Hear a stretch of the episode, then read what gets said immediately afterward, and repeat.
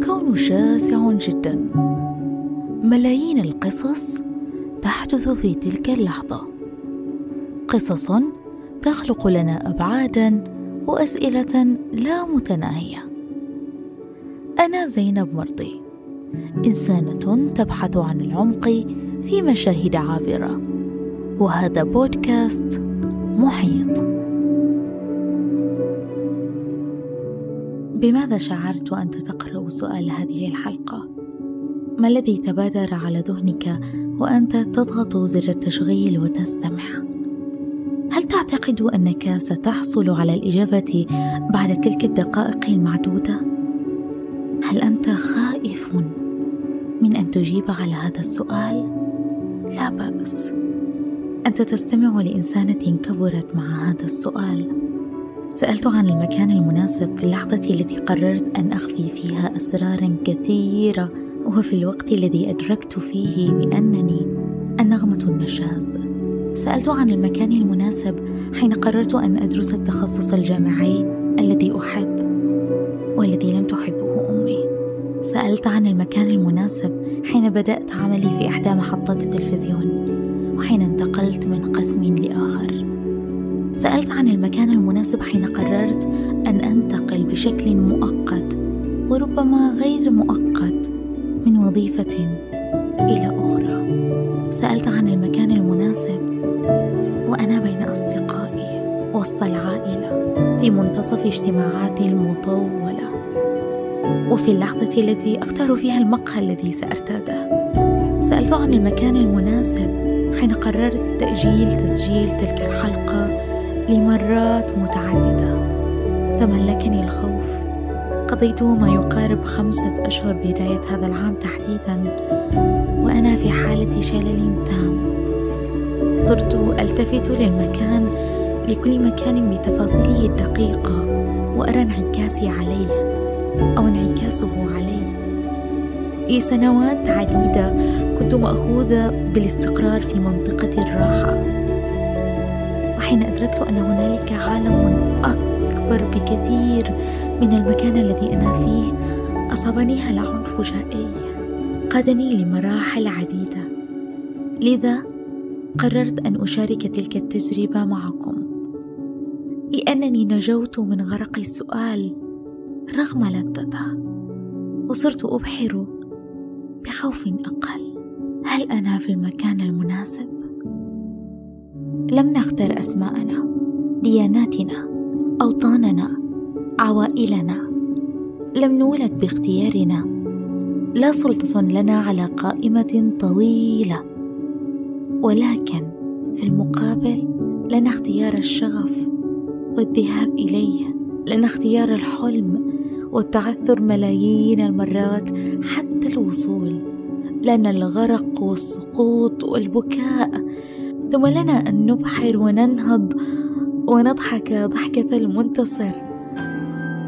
هلأ أنا عرفت مين اللي بيختار مرسوم ومكتوب بالعالي المسار. هلأ أنا عرفت ما عدت هالبنت اليوم كبرت وصرت وحدي اللي بختار. لنا القوة القوة لأن القوة التي تدفعنا لفتح أبواب أماكننا المناسبة. ربما هو بيت عائلة أو باب الشركة الحلم أو باب المقهى الذي لم نقم بزيارته منذ سنين. أو ربما هو ذاته الباب الذي تفتحه لأول موعد غرامي. سؤال تلك الحلقة نابع من غرفكم الشخصية من الأماكن التي أنتم بها الآن. أريدك أن تتلفت حولك. أينما كنت؟ في العمل مع الشخص الذي تحب في المنزل في الطريق أو حتى إن كنت لوحدك. أريدك أن تسأل نفسك الآن بكل صدق وبصوت عال. هل أنا في المكان المناسب؟ The question for you at that time is Are you on the right place? Are you doing what you love? كم مرة قمت بإطفاء منبه العمل صباحا كم استغرقت من الوقت وأنت تحدق في السقف فور استيقاظك كم مرة ترددت في اتخاذ هذا القرار اليومي هل علي الذهاب أم لا وكم مضى من العمر وأنت متشبث بمكان لا يشبهك. يصرخ المتحدثون المحفزين في خطاباتهم دوما ويروج الكثير لفكرة المخاطرة باتخاذ الخطوة المصيرية في التخلص من تواجدك في مكان لا يشبهك. وتزعجني فكرة المجازفة تلك دون خطة واضحة. الحياة ليست وردية والعالم لا يصمم نفسه وفقا لرغباتك الشخصية. المعادلة صعبة ولكنها ليست مستحيلة. عليك أن تحمل حلمك معك أينما كنت. عليك أن تخرجه من إطار الحلم وعليه أن يكون واقعا. أنت تعرف المكان الذي لا يناسبك حتما. المكان الذي يلف قدميك بجذوره ويربطك بالأرض. يمنعك من أن تخطو خطوة واحدة للأمام. المكان الذي لا يقدر جهودك أو وجودك. المكان الذي يجعلك تشعر بأنه لا قيمة لك. المكان الذي لا يشبع الشغف داخلك. المكان الذي يقتل الشغف ويحولك لموظف مجرد موظف مجرد شخص عادي عبء إضافي على هذا المجتمع. وعليك أيضا. المكان الذي مراياه ثقب أسود. ونوافذه أوه لا نوافذ. تطول القائمة في رصد مواصفات المكان غير المناسب. وأعرف أن بعضكم الآن وبعد الاستماع لتلك القائمة الصغيرة بوسعه الإدراك بلا جدوى تواجده في مكانه الحالي في أحيان كثيرة نضع أمامنا العديد من الأسباب التي تدفعنا للرضوخ والاستقرار في الأماكن التي لا تناسبنا. ولكن في لحظه معينه قد ننفجر وهذا ما حدث مع توم في فيلم 500 Days of Summer والذي يعمل في إحدى شركات بطاقات التهاني We do a bad thing here. People should be able to say how they feel, how they really feel, not you know, some words that some strangers put in their mouths. Words like love. I quit. I'm, there's enough bullshit in the world without my help. أولاً عليك أن تفتح دفتر ملاحظاتك وتكتب المواصفات المثالية للمكان الذي تطمح إليه. ثانياً عليك أن تبحث عن هذا المكان وفي حال لم تعثر عليه عليك أن تصنع هذا المكان ثالثا بعد التأكد بأنك على متن الرحلة القادمة عليك أن تودع المكان الذي لا يشبهك. عليك أن تصدق هذا الشعور وعليك أن تستمع لتلك الفكرة الملحة حين تأتي وتخبرك بأنك في المكان الخاطئ. نحن نكبر في كل لحظة تتراكم خبراتنا في الحياة لتصنع منا اشخاصا مختلفين وقد تختلف أحلامنا وتتغير مع الوقت. وقد يكون المكان المناسب في هذا الوقت هو المكان غير المناسب بعد خمس سنين. ولكن كل الذي علينا فعله هو أن نستمع لأصواتنا الداخلية وأن نسير دوما نحو الحلم. هل أنا في المكان المناسب؟ من منظور إسحاق نيوتن أن الفضاء هو المكان المطلق وهو موجود دائما بغض النظر عما إذا كان هناك مادة أو شيء يملأ هذا الفضاء. لذلك نحن نشكل فضاءات وأماكن متنقلة. مع وجود الإنسان تخرج الأماكن من حيزها الفيزيائي لتشمل معان أوسع من أي حدود. أعني بالأماكن تلك العلاقات التي نعيشها. اختياراتنا الكبرى في الحياة. الشخص المناسب هو مكان بشكل أو بآخر. مكان يتجدد مع تجددك الداخلي. استغل تلك اللحظة لتسأل نفسك عن الأسباب التي تجعلك متمسكا بتلك الصداقة أو بذاك الحب. في حال صعب عليك الأمر عليك أن تراجع بعض الأمور قليلا. يحضرني الآن أحد أفلامي المفضلة بلو فالنتاين الذي يدور حول قصة حب حقيقية للغاية لشخصين كانا مكانا آمنا لبعضهما إلى أن أصبح عكس ذلك في نهاية المطاف Tell me what to do. I don't know what to do. Tell me how I should be. I don't know. Just tell me. We're not good together. We're not good anymore. Don't the way that that, we baby. treat each other. Don't say that. Don't. I can't stop.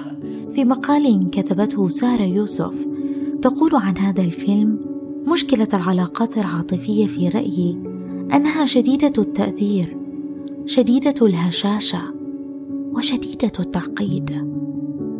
قد لا تشكل غرفنا الداخلية غرفا مريحة لكل الأشخاص في هذا العالم وقد ندرك هذا بعد سنوات طويلة من العلاقة.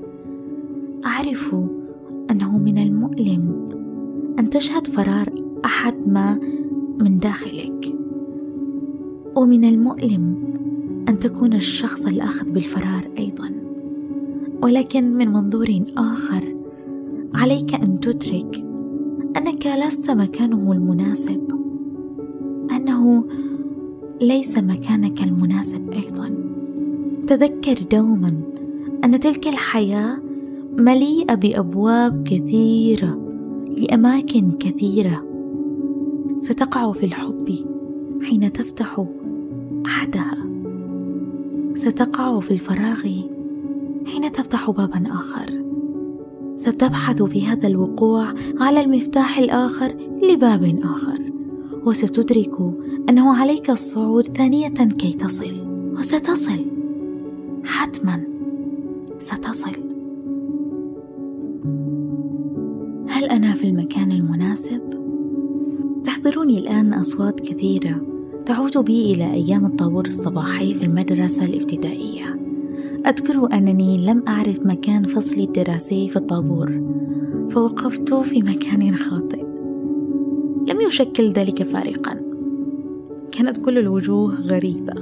وأذكر أيضا تلك المواقف التي تتكرر حين تدخل إحدى الأمهات وهي تطالب المعلمة بأن تضع ابنتها في مقدمة الفصل الدراسي كي يساعدها ذلك على الانتباه للدرس والحصول على درجات عالية. لذلك شكل المكان المناسب هاجسا لنا منذ الطفولة. صرنا نسمي طاولتنا في الفصول بأسمائنا وكأنها ملكنا الشخصي. صرنا نرسم عليها ونلصق بعض الصور التي تشبهنا ورغم أنها أماكنا لسنا نحن بالضرورة من قمنا باختيارها إلا أننا حاولنا أن نصنع منها أماكن مناسبة لنا.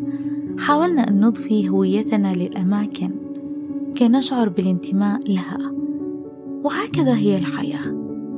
على الرغم من الخيارات الكثيرة التي تتيحها لنا لاختيار المكان المناسب الوظيفة المناسبة العلاقة المناسبة أو حتى البقعة المناسبة للبكاء أو للاحتفال إلا أننا نصطدم في بعض الأحيان بأماكن. قد ندرك أنها ليست الأماكن المثالية لكنها أماكن فرضت علينا. يتذمر زملائي في بعض الأحيان قائلين بأنه على الرغم من اتساع العالم بتفاصيله وبجمال هضابه وجباله إلا أنهم ولدوا في تلك البقعة الصغيرة التي لا تتعدى كونها نقطة في خارطة العالم. في الوقت الذي يعتقد كثيرون بأن الأماكن التي ولدنا فيها والعوائل التي نعود إليها والأماكن التي سنرتادها بشكل عشوائي تتتالى لتكون سلسلة من الأحداث المقدرة لنا. على عكس ذلك تعتقد بعض الروايات الدينية بأننا نقوم باختيار كل تفاصيل حياتنا في عالم يدعى بعالم الذر. يقول آخرون بأن الاعتقاد بعالم الذر يستلزم القبول بنوع من التناسخ وكأن روح الإنسان قد خلقت في عالم آخر قبل ولادته الفعلية. وبعد فترة جاءت لهذا العالم مرة أخرى. لك أن تتخيل أنك في عالم آخر قمت باختيار مكانك الحالي وأنه قد مرت عليك كل تفاصيل حياتك قبل أن تكون ولكن تبقى الاحتمالية واردة بين هنا وهناك وعلى الرغم من كل تلك الروايات إلا أنك تدرك أنه هنالك العديد من الأماكن التي لم تخترها بإرادتك الكلية. لذلك وببساطة شديدة عليك التعامل معها مثل تعاملك مع الطاولة في الفصل الدراسي. عليك أن تبحث عن هويتك في المكان. عليك أن تخلق هويتك في المكان. يقول الروائي الروسي ثيودور ديستوفسكي وما فائدة الاستمرار؟ ذلك لأنه ليس أمامك سبيل آخر ولأنك تميز المكان المناسب عن سواه. هل أنا في المكان المناسب؟ شاركوني آراءكم ومقترحاتكم عبر حساب الإنستغرام محيط دوت بودكاست وعبر حساب تويتر محيط بودكاست. كنت معكم أنا زينب مرضي من بودكاست محيط. إلى اللقاء.